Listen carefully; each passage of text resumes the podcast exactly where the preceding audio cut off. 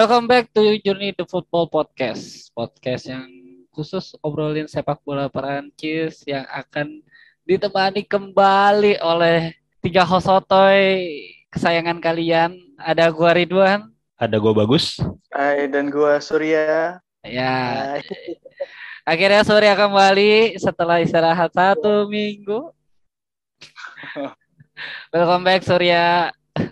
Ya, thank you Mas. Ayo, oke okay. di episode kali ini kita akan ngebahas review Prancis uh, melawan Finlandia kemarin malam. Lalu juga di segmen kedua kita akan ngebahas preview journey kelima Ligue 1. Sebelum itu kita ada recent update nih soal Nice sama Marseille. Gus? Tentang akhir ya, akhir dari kerusuhan yang terjadi di laga Nice melawan Marseille. Yang pertama ada laga diulang di tempat netral dan pastinya tanpa penonton.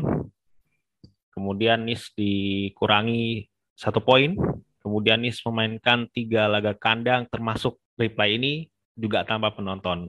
Oh berarti lawan Marseille juga tanpa penonton ya? Yap.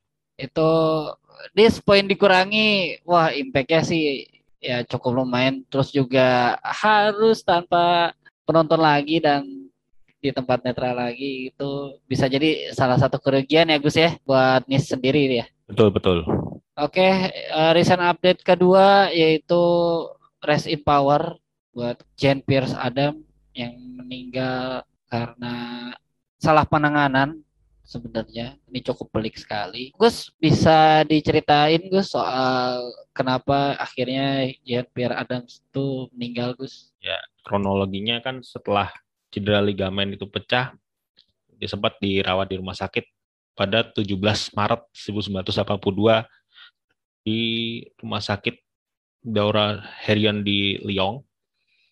Kemudian banyak staf rumah sakit mogok selama waktu itu. Nah, kesalahan itu dibuat oleh ahli anestesi gitu, dan seorang peserta pelatihan yang kemudian mengaku tidak mampu untuk melanjutkan tugasnya. Nah, akibatnya si Adams ini menderita bronkospasme yang membuat otaknya kekurangan oksigen dan dia mengalami koma. Nah, bronkospasme itu kondisi mengencang dan menegangnya otot-otot yang melapisi bronkus pada paru-paru. Saat otot ini mengencang, saluran udara akan menyempit sehingga udara sulit untuk keluar masuk. Jadi salurannya kaku gitu. Terus juga ada fakta menarik juga Jan Pers Adam ini meninggal pada September 2021 di NIMS pada usia 73 tahun dan di hari berikutnya ada dia mendapatkan kehormatan lah dengan tepuk tangan satu menit sebelum kualifikasi Piala Dunia antara Prancis melawan Finlandia di Lyon. Nanti kita bahas juga soal kemenangan Prancis melawan Finlandia Finlandia tadi malam. Ya juga ada rest in power juga pemain asal Prancis juga yang pernah bermain di Strasbourg. Itu ada Fau Fernargues Kehi pemain yang meninggal di usia kemasan ya Surya 29 lagi, tahun. Lagi masa prime prime itu. Ya lagi masa prime prime-nya uh, boleh diceritain uh, apa penyebabnya? Uh, jadi, hmm, jadi si dia ini kan seorang kiper ya. Jadi seorang kiper itu ketika umur 29 tahun itu memang uh, lagi masa bagus-bagusnya lah kita bilang kan. Uh, soalnya kalau kiper itu kan waktu pensiunnya rata-rata tuh sangat lama gitu. Beda dengan pemain posisi-posisi lain seperti itu. Jadi si Onegreski tadi dia meninggal dalam kecelakaan lintas yang mengerikan ya. Dan menurut informasi lagi dari media Prancis, dia ini menabrak pohon pada hari Sabtu dari uh, minggu kemarin. Dan tabrakan tersebut ya berakibat fatal baginya dan langsung meninggal di tempat seperti itu.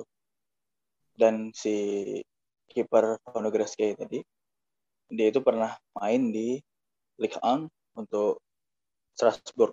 Ya info tambahan juga uh, dia tuh pernah bermain selama eh, satu caps bersama uh, timnas Prancis yang akhirnya di 2011 juga dia bermain di under 20-nya Pantai Gading dan Dia adalah salah satu bakat terbaik yang pernah dimiliki oleh Strasbourg di 2006 sampai terakhir di 2014 bersama Strasbourg dan akhirnya pindah ke Bisham. Itu adalah salah satu tim papan bawah yang berada di Championat Nasional 3.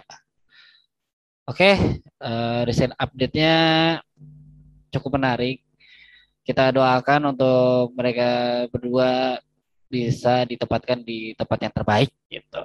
Oke, soal balik lagi kita ke topik pembahasan kita yaitu review Prancis lawan Finlandia yang kemarin malam hasilnya 0-2 dihasilkan dua gol lewat Antoine Griezmann luar biasa setelah bangkit gak pernah menang dua laga kemarin lawan Bosnia satu sama dan lawan Ukraina satu sama juga. Gus, update apa yang bisa diberikan Gus? Ini menarik ya dari pertandingan semalam mengejutkan dengan menurunkan formasi yang nggak biasa gitu. tiga empat satu dua tiga empat satu dua dan yang menariknya menempatkan tiga center back yaitu Presnel Kimpembe, Kutsuma, dan juga Rafael Varane. Kemudian di tengah ya Pogba dan Rabiot. Nah, di depan di Van Griezmann itu ada Benzema dan juga Anthony Martial. Nah, yang menarik adalah debutan seorang Theo Hernandez yang bermain di wing back kiri. Nah, ini yang gue rasa menjadi satu hal yang luar biasa bagi Le Blue dan menjadi awal kebangkitan dan gue rasa ya ini akan kolaborasi yang apik di depan nih tiga Martial, Benzema dan juga Griezmann cukup padu lah di pertandingan itu. Ya, menarik memang kemenangan kemarin juga ada pemain debutan dari Theo Hernandez yang statistiknya cukup bagus. Yang gue cek dari Scores itu dia melakukan satu shoot, terus juga sekali cross, uh, satu-satu intercept. Dari 64 total passing 92,2 persentase yang suksesnya. Match of the match. Les Blues lawan Finlandia kemarin. Siapa Gus menurut lu Gus? Pastinya Antoine Griezmann ya mencetak dua gol di pertandingan tersebut dan itu membuat Griezmann menjadi top skor ketiga Prancis sepanjang masa menyamai Michel Platini. Yang pertama Thierry Henry 51 gol dan Giroud 46 gol. Itu menurut gue soal man of the match kemarin. Kalau lo Sur MOTM siapa? Kalau soal ngelihat hasil karena Prancis menang dan Griezmann kan ratingnya paling tinggi tuh dari malam kemarinnya. Jadi bagi gue kalau soal rating paling tinggi karena Griezmann mencetak gol tapi bagi gue yang menurut gue man of the match Paul Pogba sih gue pas malam itu gue nonton ya karena di malam itu juga gue ngeliat nih Paul Pogba Adrian Rabiot sama Theo Hernandez dan Leo Dubois itu bermain sangat apik mengawali di tengah uh, Perancis mungkin karena juga lawannya Finlandia ya yang nggak terlalu bagus dalam bola-bola daerah atau bola-bola passing-passing bawah kan. Jadi itulah yang dimanfaatkan oleh Paul Pogba tadi. Dia mengirim satu umpan kunci yang hampir hampir diselesaikan oleh apa diselesaikan oleh Anthony Martial tapi tidak membuahkan gol dan statistik apa Paul Pogba sendiri dia melakukan 113 akurat passing luar biasa banget untuk pemain yang memang ya kita tahu di musim ini memang sepertinya performa dia lagi naik ya. Manchester lagi bagus juga kan. Sekarang di timnas Prancis dia bisa mengonversikan permainannya seperti di Manchester di MU jadi saya pikir uh, Paul Pogba sih bagiku man of the match. Ya uh, kita juga bakal ngebahas pemain debutan juga. Itu ada Theo Hernandez yang tadi sempat uh, gua bilang uh, statistik ya tadi gue udah uh, sampaikan tadi. Menurut lo Gus Theo, Theo Hernandez bermain selama full 90 menit gimana? Pertama kali lu lihatnya impresinya. Gue rasa Theo Hernandez ya cukup baik perannya di sisi kiri ya dan menurut gue ya mungkin harusnya pas Euro kemarin juga harusnya dicoba lah. Mungkin bagusnya ketika musim lalu lah kalau nggak salah itu kan di AC Milan juga agresif lah mainnya dan gue rasa ya kesempatan untuk Theo Hernandez ya sangat besar gitu dan persaingan untuk dari back kiri ya gue rasa akan ketat lah gitu. Ya, uh, kita juga mengucapkan welcome back untuk Wissam Ben Yedder yang kemarin bermain di menit 80 kalau nggak salah. Gimana, Sur? Menurut lo, Sur, welcome back ya seorang Wissam Ben Yedder kemarin. Bermain hanya yeah. Iya. 10 menit lah, bisa kita bilang. Kalau dibilang terlalu kelihatan sih enggak ya, karena memang Roy kan main cuma 10 menit. Tapi uh, membuktikan bahwa sebenarnya Perancis ini tuh kalau uh, soal ini serang itu kita tuh nggak perlu khawatir ya. Kita punya Benzema, uh, Anthony Martial, Griezmann juga yang bisa main sebagai center target, Olivier Giroud dan Wissam Ben sendiri dia ini kan uh, striker yang berpengalaman ya, udah pindah melalang buana sana kemarin dan terakhir di klubnya sekarang Monaco ya alhamdulillah juga dia main luar biasa banget top skor juga untuk timnya musim lalu kan. Jadi saya pikir kalau untuk beberapa match friendly nanti eh berapa kualifikasi untuk ke depan lah uh, patut dicoba sih Ben Yedder untuk dipasangkan sebagai pemain inti. Betul karena kita uh, ngelihat nih uh, apakah dia bisa menunjukkan permainan yang bagusnya seperti yang dia mainkan di Monaco ke timnas Prancis atau ya malah sebaliknya rata-rata striker yang jago di liga lokal ketika main di timnas lempem. Tapi ya gua harap Beneder bisa sih dengan usianya yang sangat-sangat matang ya kepala 30 jadi gue yakin uh, kalau soal lini depan Prancis nggak bakal khawatir deh. Balik lagi ke konsistensi. Dan kita lihat bakalan seperti apa Les Blues ke depannya ya. Oke pertanyaan terakhir sebelum kita pindah ke segmen kedua yaitu ngebahas preview journey kelima. League Ang pemain yang sebenarnya lu harapin ada di squad Les Blues ini siapa? Dari lu dulu yang nggak dipanggil. Yang harusnya dipanggil nih sama Didier Deschamps gitu menurut lu siapa sur kalau menurut gue sih Alban Lapion sih pemain Nantes. Gue masih belum bisa move on nih dari pindahnya kebangsaan apa nationality Laporte ke Laporte dari Prancis ke Spanyol dari Prancis ke Spanyol. Jadi gua gua sangat berharap banget. Yang memang uh, gue masih ada keinginan ya untuk lapor untuk main lagi. Mungkin tuh nggak udah nggak mungkin. Tapi kalau soal pemain-pemain yang dari yang memang layak masuk timnas Prancis gue pikir Alban Lavin sih kiper muda Nantes luar biasa jadi gue berharap suatu saat dia bisa gantiin posisi Hugo di, di balik persaingan antara Mike Nan dan uh, Areola seperti itu. Ralat ya, Madanda ya. Oh iya, ralat. Oke oke Madanda. Oke oke iya. iya. Madanda ya. Iya. Hmm. Dengan pertanyaan Sepuluh yang sama, juga. Gus? Mencoba menyatukan Hernandez bersaudara sih menurut gua. Lukas jadi back tengah lah gitu.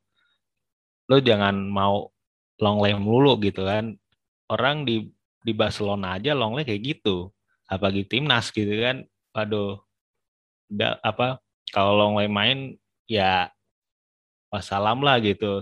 Dan menurut gua ya pengen menyatukan Hernandez bersaudara aja sih kalau gua menarik banget kita nah, kita lihat nanti lah ya soal Les Blues ini karena akan bertemu di semifinal Nation League di tanggal 8 Oktober akan bertemu dengan Belgia nih.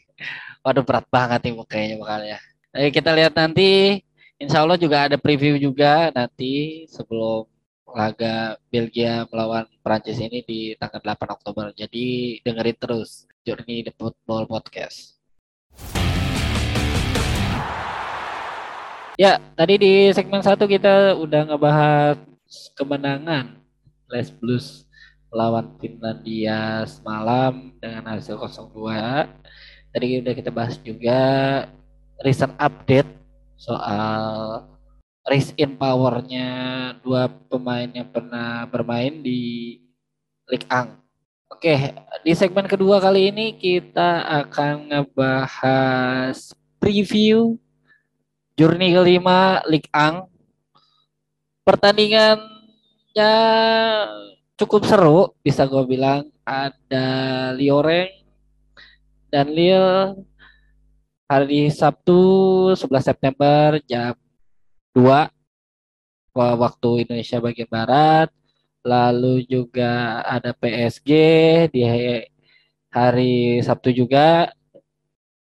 Jam 10 malam PSG lawan Clermont di promosi. Lalu esok harinya di jam 2 dini hari, hari Sabtu ada Monaco versus Marseille. Yang bisa kita bilang adalah partai besar Lalu juga di hari yang sama di jam 6 sore ada Montpellier melawan San Etienne. Lalu ada Brest melawan Angers. Lalu di jam 8 malam ada Bordeaux melawan Lens.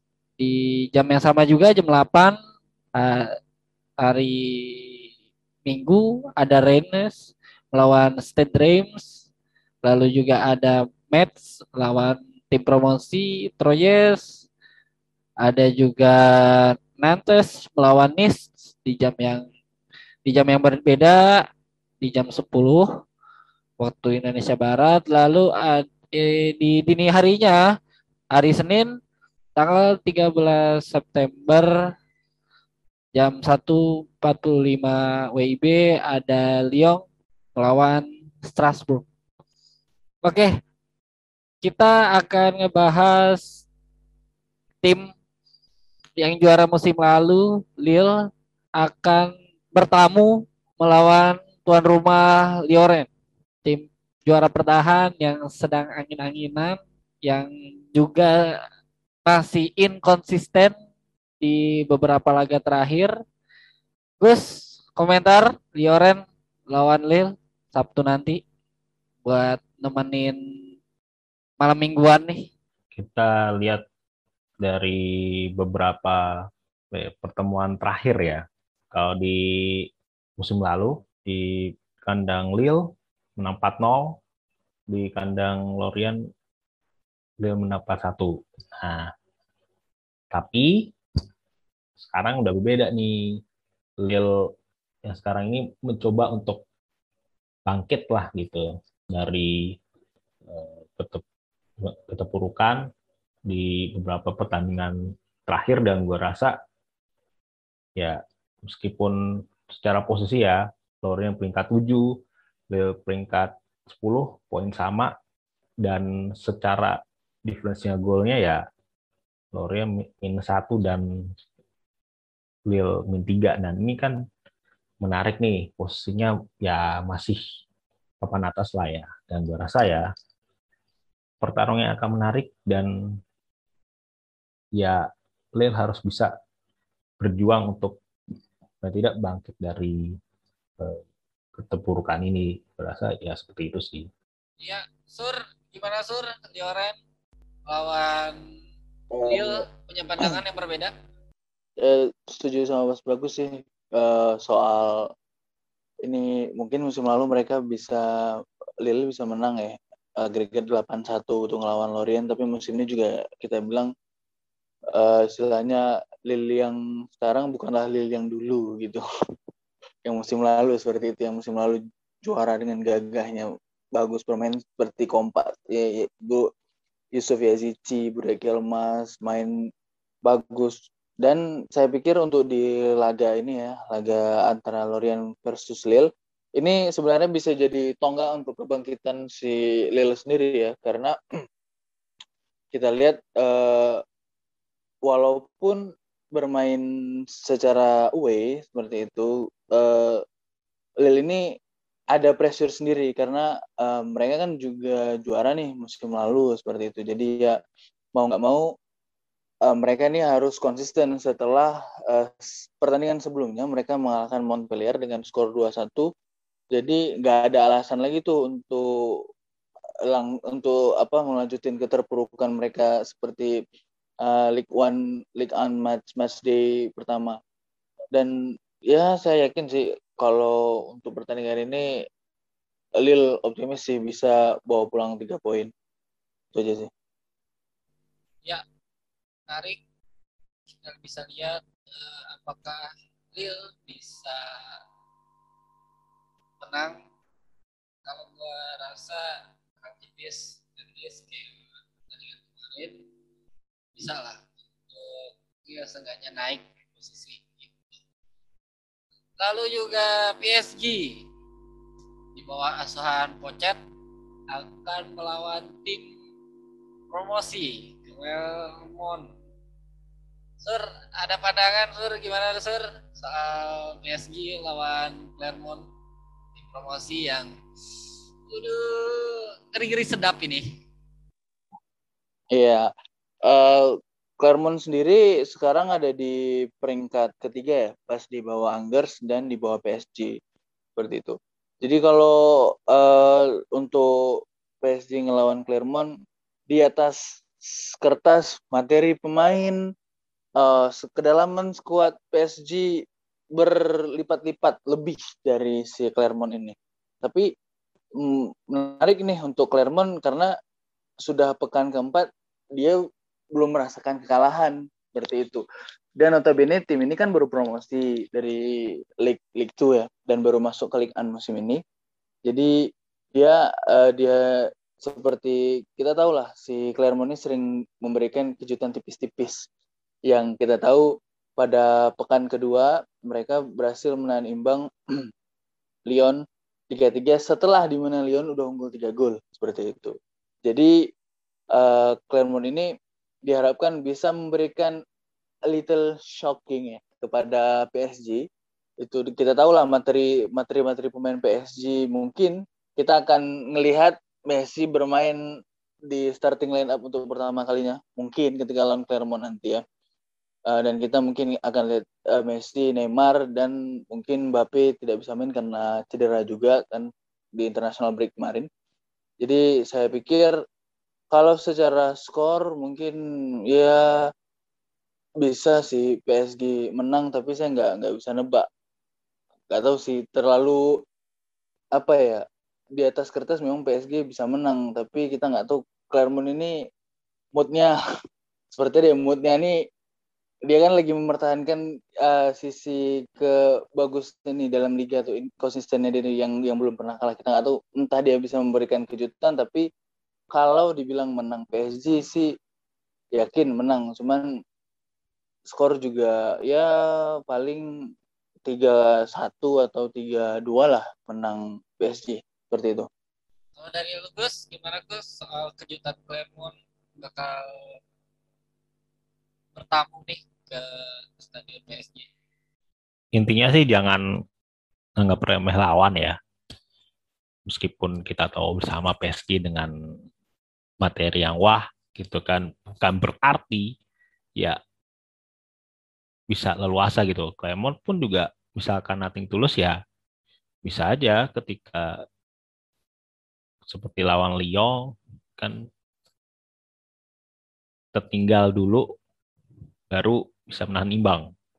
Nah, yang menariknya ini kan si Clermont itu kan dua kali menang dua kali seri, jadi nilainya 8 dan PSG ini sempurna empat kali kemenangan dengan 12 poin. Nah, ini kan pertanyaannya menarik, apakah Clermont ini bisa menahan laju dari PSG atau enggak? Ya, gue rasa sih ya, kalaupun tadi Surya bilang menang pun ya tidak mudah. Ya Clermont pasti akan memberikan perlawanan dan kalaupun kalah ya kalah tipis. Syukur-syukur bisa imbang lah buat Clermont gitu. Ya, yang karena yang kita tahu juga di pertahanan PSG ini masih cukup tricky di journey keempat kemarin itu kebobolannya itu lima cukup banyak juga untuk klub sekelas PSG.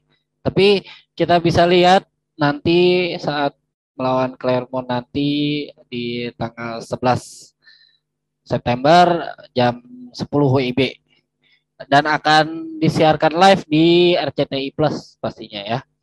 Lalu laga ke selanjutnya akan tersaji Asuhan Niko Kovac akan melawan tim kebanggaan kita semua, Marsi di bawah asuhan Jorge Sampaoli. Gimana uh, Gus? Monaco sama Niko Kovacnya, lalu Marseille sama Jorge Sampaoli yang notabene-nya satu lagi angin-anginan, tapi kemarin menang. Lalu juga Marseille sedang apa ya sudah mulai kayaknya dari segi tim udah mulai terbentuk nih Marseille sama Jorge Sampaoli. Gimana Gus menurut lo Gus? Ya menarik sih. Gue rasa pertandingan kali ini ya sebagai ya pertandingan besar lah gitu.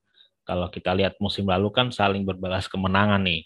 Ketika masih menjadi tuan rumah menang 2-1, ketika Monaco jadi tuan rumah menang 3-1 gitu Monaco. Nah, ini yang menarik ya menantikan kebangkitan Monaco lah gue rasa gitu meskipun ya kita tahu ya pertandingan sebelum international break ya menang lawan Troyes sebagai tim promosi ya gue rasa ya perlahan-lahan harus mulai bangkit dan menetapkan gasnya lah. Dan kalau masih ya mulai terbentuk permainan terbaiknya lah gue rasa ya.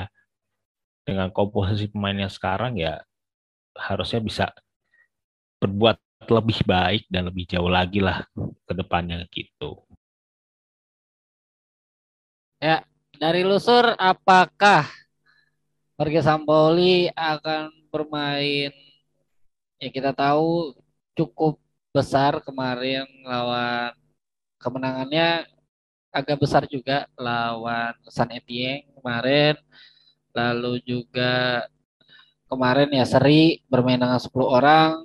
Lalu Marseille kemarin yang di game week pertama itu di sorry di journey pertama itu lawan Montpellier 3-2 kita bisa lihat dari sisi transfer kemarin itu di lini depan itu sekarang cuma nyisain seorang milik di lini depan.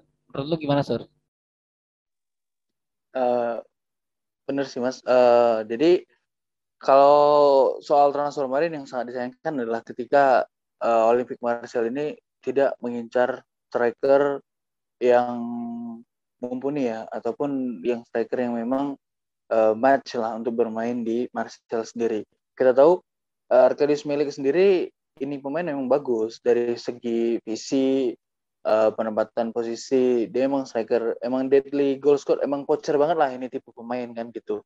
Jadi tapi masalahnya adalah ketika si milik ini rentan Arkadius milik itu terus rentan terhadap cedera seperti itu agak ringkih ya. Dan satu-satunya pemain yang bisa mengisi untuk posisi striker adalah Dimitri Payet.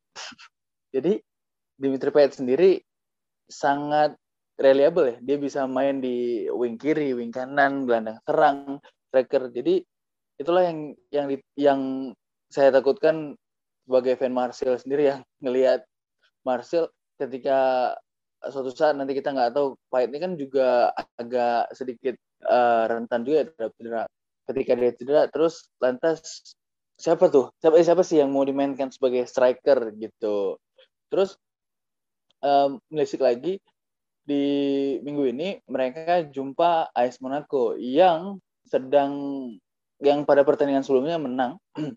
Menang melawan Troyes itu satu dua. Dan uh, perlu digarisbawahi perlu adalah uh, di Monaco si Kovac sendiri baru ini ya menang di liga setelah uh, tiga pekan ke belakang berhasil mereng uh, berhasil seri lalu kalah dua pertandingan seperti itu. Uh, di posisi klasmen sendiri Marcel berada di posisi kelima dan si Monaco di posisi ke-14.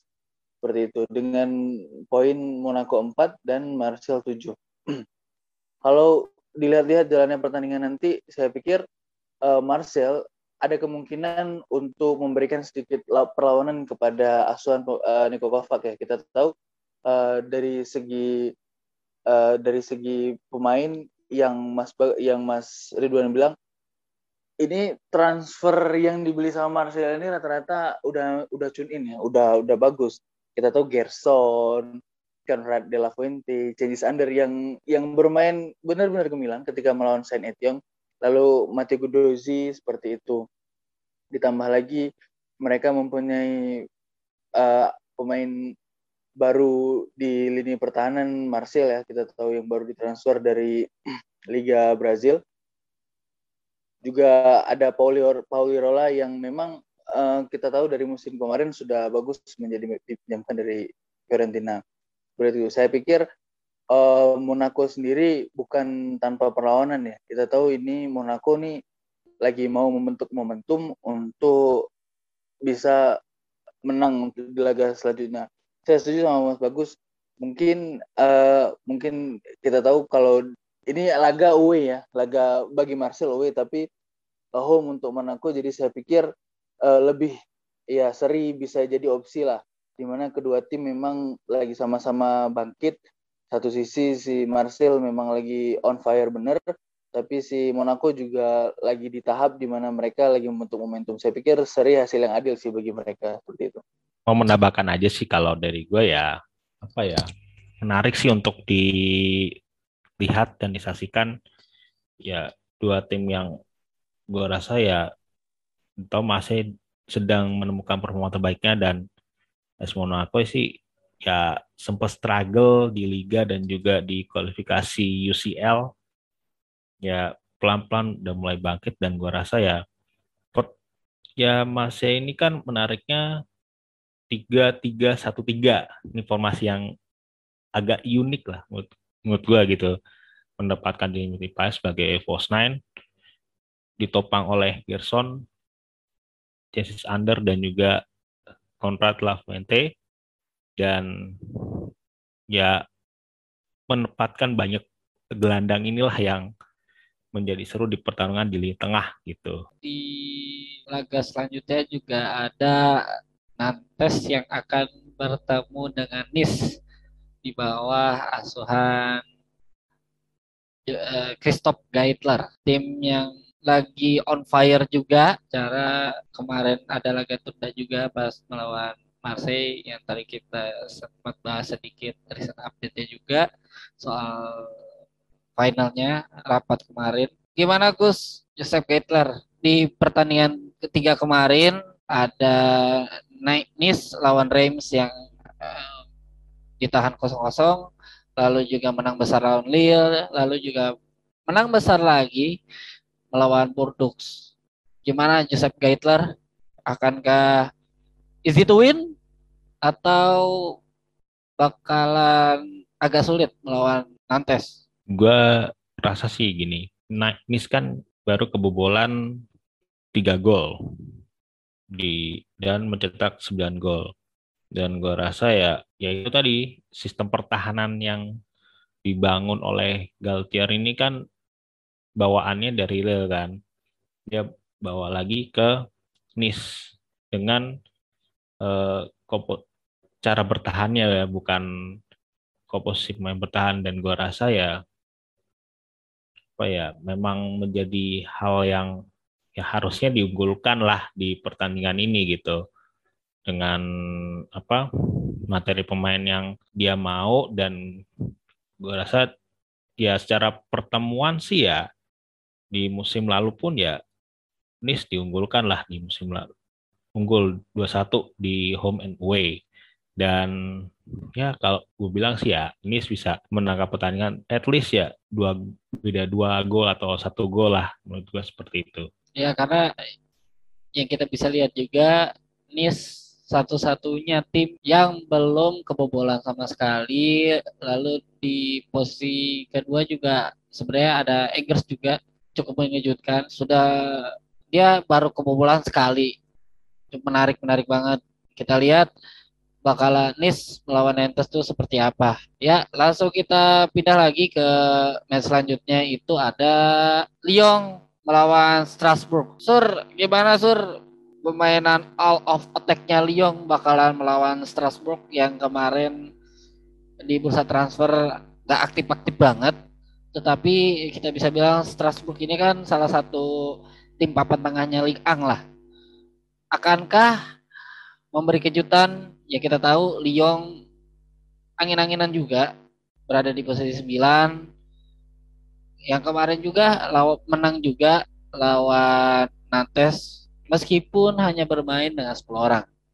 Menurut gimana Sur? Oh, oke, okay. jadi ini salah satu yang di yang apa ya yang mungkin PR besar bagi Peter Bos ya.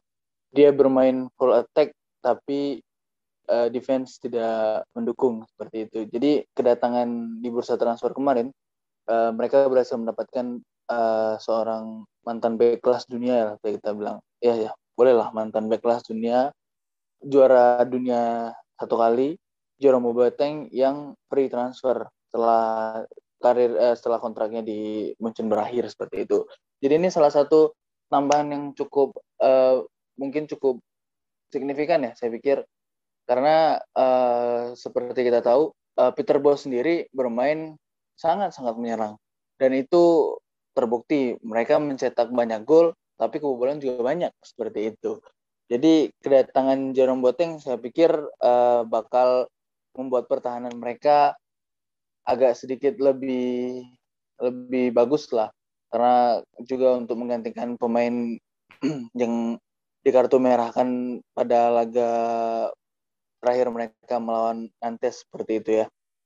Jadi saya pikir uh, kalau untuk soal uh, gol atau soal serangan saya pikir uh, kalau Lyon sih lebih lebih diunggulkan ya daripada Strasbourg. Strasbourg sendiri benar yang kayak Mas Ridwan bilang bahwasannya uh, pada musim transfer ini nggak aktif-aktif banget. Jadi squad juga nggak banyak berubah seperti itu. Jadi kalau soal squad mungkin uh, Lyon lebih daripada si Strasbourg. Tapi kalau soal di lapangan, knows ya. Kita tahu Strasbourg ini kan sering memberikan kejutan juga untuk tim-tim papan atas seperti itu. Kita tahu Lyon juga dalam performa yang tidak sangat baik ya. Uh, baru menang kemarin lawan Nantes itu pun dengan 10 pemain ketika kapten mereka Damin Da Silva di kartu merah kan seperti itu. Jadi ya untuk laga berikut laga selanjutnya nih ketika melawan Strasbourg saya pikir uh, si Lyon sendiri kalau untuk kemungkinan menang terbuka lebar tapi itu tadi ketika defense mereka bisa mengka, mengka, meng, mengakomodir serangan mereka yang luar biasa bagus di arahan Peter Bos saya pikir kemenangan bisa diraih. Tapi ya kalau itu pun kalau tidak Strasbourg bisa bermain direct counter yang seperti sering mereka tampilkan itu. Kalau skor mungkin kita bilang ya satu atau dua gol bolehlah untuk Lyon dan tipis-tipis lah dua satu ataupun satu kosong bisa untuk menang Lyon seperti itu.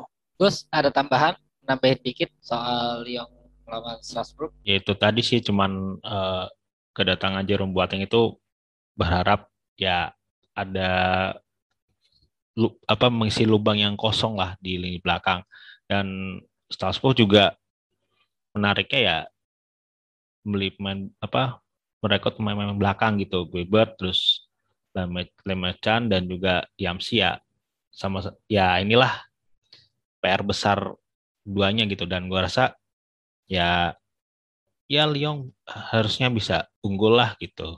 Ya, tadi kita udah ngebahas Lyon melawan Strasbourg akan menang secara mudah melawan Strasbourg dan juga pertahanannya akan semakin kuat dengan kedatangan Jeremy Boateng. Lalu kita akan pindah ke kontingen di UEFA Conference League yaitu ada Rennes yang akan melayani tamu yaitu Stade Rennes. Dari bagus dulu Gus, Rennes yang akan bermain di Conference League di tanggal berapa Gus? 16 ya? Di ya, tanggal 16 September. Ya, akan melawan salah satu tim yang kuat dengan pelatih baru yaitu ada Nono Espirito Santos di Spurs atau Tottenham Hotspur. Gimana Gus? Rennes dan Reims yang kita bisa bilang juga cukup aktif ya di bursa transfer kemarin dan datengin cukup jor-joran juga untuk tim kita bisa bilang menengah kali ya untuk Rennes. Gimana Gus? Ya dari pertemuan sebelumnya ya dengan hasil imbang ya antara Rennes dan juga Reims di dua pertemuan di musim lalu dan mungkin ya di pertandingan nanti ya akan berimbang juga lah gue rasa seperti itu. Ya menurut lo Sur gimana Sur? Rennes melawan Reims yang akan kayaknya pemanasan dulu nih sebelum sebelum lawan Hotspur nanti tanggal 16. Hmm, jadi kalau untuk ngelawan Reims ya hari Minggu jam 8 waktu Indonesia Barat ya. Kita tahu lah kalau Rennes ini memang tim papan tengahnya Liga Prancis seperti itu. Setelah kemarin ditinggalkan oleh Eduardo Camavinga, mereka tidak tinggal diam dong. Membeli Gaetan Laborde, pasangannya Andy Dior di Montpellier. Jadi saya pikir kalau untuk ngelawan Reims sendiri bukan perkara yang agak sulit ya bagi Rene sendiri ya. Mungkin saya pikir ya kemenangan bisa di, bagi saya kemenangan Rene bakal mudah sih untuk mendapatkan dari Reims sendiri. Dari uh, situasi kondisi tim juga Reims itu kan lagi pincang banget ya. Dia lagi di peringkat 17 ya uh, sementara si Rennes sendiri peringkat 8 kan. Uh, saya pikir dari kualitas tim materi pemain saya yakin Rennes bakal melenggang untuk mempertahankan tiga poin dari Reims seperti itu. Ya lanjut ada beberapa pertandingan sebenarnya yaitu ada Brest melawan Angers, lalu ada Montpellier dan Saint Etienne. Gus, dari dua pertandingan sedikit aja Brest Angers, Montpellier, Etienne. Ya, kalau Montpellier lawan Saint Etienne ini kan eh, Montpellier ini kan kehilangan dua pemain andalannya Andy Delors dan juga Gaetan Labot dan gue rasa ya meskipun sudah ada Jermain ya dan gue rasa secara pertemuan juga ya berimbang lah di dua pertandingan terakhir dan gue rasa berimbang lah untuk pertandingan besok gitu gue rasa seperti itu kalau untuk Montpellier dan juga Sang Etienne ya. Nah untuk pertandingan antara uh, Brest dan juga Enggas ini kan bisa dibilang Enggas ini kan lagi on fire juga lah. Poin 10 di empat pertandingan awal dan gue rasa ya Engers harusnya bisa unggul lah di pertandingan tersebut dan juga secara posisi juga Brest lagi ada di papan bawah di posisi 18 gitu. Ya, kita bisa lihat nanti antara tim papan tengah Montpellier dan Saint Etienne akankah bisa saling sikut? Kita lihat nanti di hari ya di hari Minggu jam 6 sore ya. Lalu juga tadi seperti kita bahas Brest melawan Angers, semoga Angers gak kehabisan bensin ya, Gus ya. Karena yang kita tahu Brest ya tim yang menghuni bisa kita bilang Brest ini tim menengah ke bawah lah. Will sih di nanti pertandingannya di hari Minggu juga tepatnya jam 8 malam. Lalu ada pertandingan Bordeaux melawan Excellence. Lalu juga di jam yang sama ada Mets melawan tim promosi yang tidak bisa berkata-kata banyak karena sebelumnya notabene itu melawan tim-tim yang cukup besar. Mungkin di Star mesinnya ini belum panas. Kebalikannya dari Engers. Engers langsung gaspol, Troyes lagi starter pun masih ngeden-ngeden mungkin ya. Sur, gimana Sur menurut lo Sur? Ya, jadi ini pertandingan yang memang bisa dibilang uh, duel papan bawah semua ya. Kita tahu Bordeaux uh, Len, uh, Bordeaux, uh, Troyes, selalu Mets itu tim-tim papan bawah kecuali Lens ya yang memang di antara mereka bertiga tadi Lens yang uh, signifikan tampilannya yang signifikan dalam Victor-Victor sebelumnya dalam apa pekan sebelumnya seperti itu. Walaupun si Lens sendiri sempat seri melawan Lorient pada matchday keempat kemarin, game yang lumayan seru, berhasil menahan imbang Lorient 2-2 itu pencapaian yang ya saya pikir untuk tim sekelas Lens menahan Lorient nggak terlalu apa ya nggak terlalu membanggakan juga tapi dengan membanggakan juga. Tapi dengan uh, pertandingan yang baru berjalan pada pertandingan sendiri mereka uh, di mana si Lens sendiri belum pernah kalah seperti itu. Seri tiga kali dan menang sekali. Iya, AS Monaco. Iya, ya, waktu uh, itu 10 lawan 10 tuh seru banget anjir. Iya, iya. 10 lawan 10. Jadi Dan yang lawan berikutnya adalah Bordeaux. Ya kita tahu Bordeaux ini ya bisa dibilang gimana ya? Sedih juga ngeliat kondisi Bordeaux sekarang ya. Kita tahu Bordeaux uh, Bordeaux itu dalam kurun 10 tahun ke belakang ataupun 12 tahun ke belakang dia salah satu tim papan papan atas dari Liga Prancis sendiri tapi melihat kondisi keuangan yang sekarang dan hampir bangkrut juga pada musim kemarin uh, saya pikir kalau Bordeaux sendiri ya untuk tampil konsisten juga agak sulit ya bagi Bordeaux karena juga mereka kondisi kondisi tim dan kondisi tim kondisi ruang ganti juga nggak lagi tidak bersahabat juga ya. Kita tahu walaupun mereka udah ngedatengin Joel Rosun dari Hertha Berlin dan ngebeli Fran Sergio dari Braha uh, itu tidak bisa menjamin tim ini bakal survive gitu. Tapi khusus untuk pertandingan kali ini ketika mereka bermain di home melawan Lens, saya pikir uh, Bordeaux juga nggak mau kehilangan gak diri ya. Saya pikir uh, untuk soal hasil imbang udah bagus banget sih untuk Bordeaux. Sementara Lens kan datang ke Bordeaux juga bukan untuk mencari imbang. Saya pikir ya permainan permainan agak lebih condong menyerang Lens ke Bordeaux, tapi saya pikir skor bakal imbang sih seperti itu. Lalu soal tim papan menengah ke bawah, kita bisa bilang match yang ada di posisi 15, lalu melawan tim promosi yang ibaratin mesin tuh disela aja susah gitu. Gimana, Sir? Uh, Oke, okay, jadi uh, kita lihat ini match lawan Troyes itu match yang musim match match yang bertahan ya di Premier League dari musim lalu seperti sementara Troyes yang tim newcomer dari League 2 seperti itu.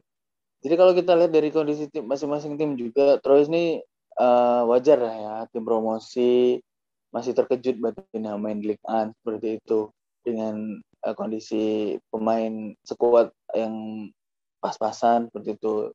Seperti kata Mas Ridwan tadi kalau motor starter masih nyendat-nyendat. dalam empat pertandingan sendiri mereka baru mengumpulkan satu poin seperti itu.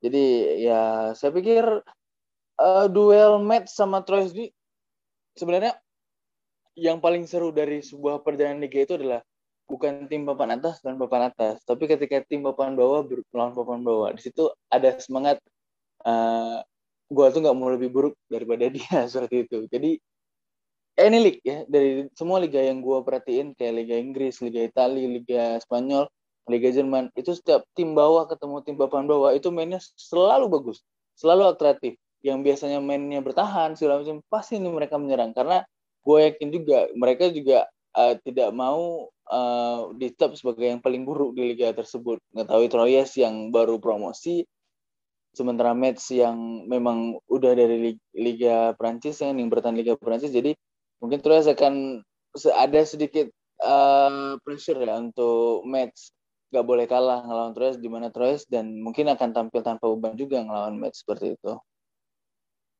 Kalau soal skor sih mungkin saya pikir uh, bisa dibilang dari squad sih bagusan match ya. Tapi kalau saya pikir imbang adalah jalan yang paling baik sih buat mereka berdua. Iya, menarik banget pembahasan kali ini dan menariknya untuk pertama kalinya Juni The Football Podcast update selama seminggu dua kali. Kita akan mencoba untuk seminggu dua kali lagi, tapi kita uh, kita akan mencoba untuk lebih survive, untuk lebih baik ke depannya. Ya, terima kasih yang sudah mendengar Journey The Football Podcast. Apabila ada kekurangan atau kurang puas pada pendengar, kita mohon maaf ya. Itu karena kita masih belajar gitu. Ya, yes. Gua ada kabar bahagia nih Mas, ada kabar bahagia nih Mas. Apa Jadi, tuh? Apa tuh? Salah satu rekan kita salah satu rekan kita di Journey the Football, salah satu pendiri Journey the Football juga lagi ngerasain bahagia nih. Apa tuh? Uh, ngerasain bahagia nih katanya tadi kan, barusan dia bilang uh, uh, istrinya lagi hamil seperti itu yang usia kandungan sudah beranjak berapa bulan mas? Alhamdulillah masuk lima bulan. Masuk lima bulan. Jadi ya untuk para pendengar Journey di Football sekalian kita minta doanya juga untuk kesehatan istrinya Mas Ridwan bisa dan semoga bayi yang dilahirkan sehat kita uh, entah itu laki-laki ataupun perempuan seperti itu jadi kita doakan yang terbaik lah buat Mas Ridwan dan istrinya dan juga calon buah hati mereka. Gitu. Thank you thank you thank you thank you. Oke okay, thank you, thank you. nah sekalian menambahin jangan lupa di tengah pekan nanti juga akan ada UEFA Champions League, UEFA Europa League dan juga UEFA Conference League ya. Dan masuki match day pertama dan ini akan semakin seru semakin menarik pastinya untuk ditonton. Ya kalau gitu Ridwan pamit. Gue bagus pamit. Surya pamit.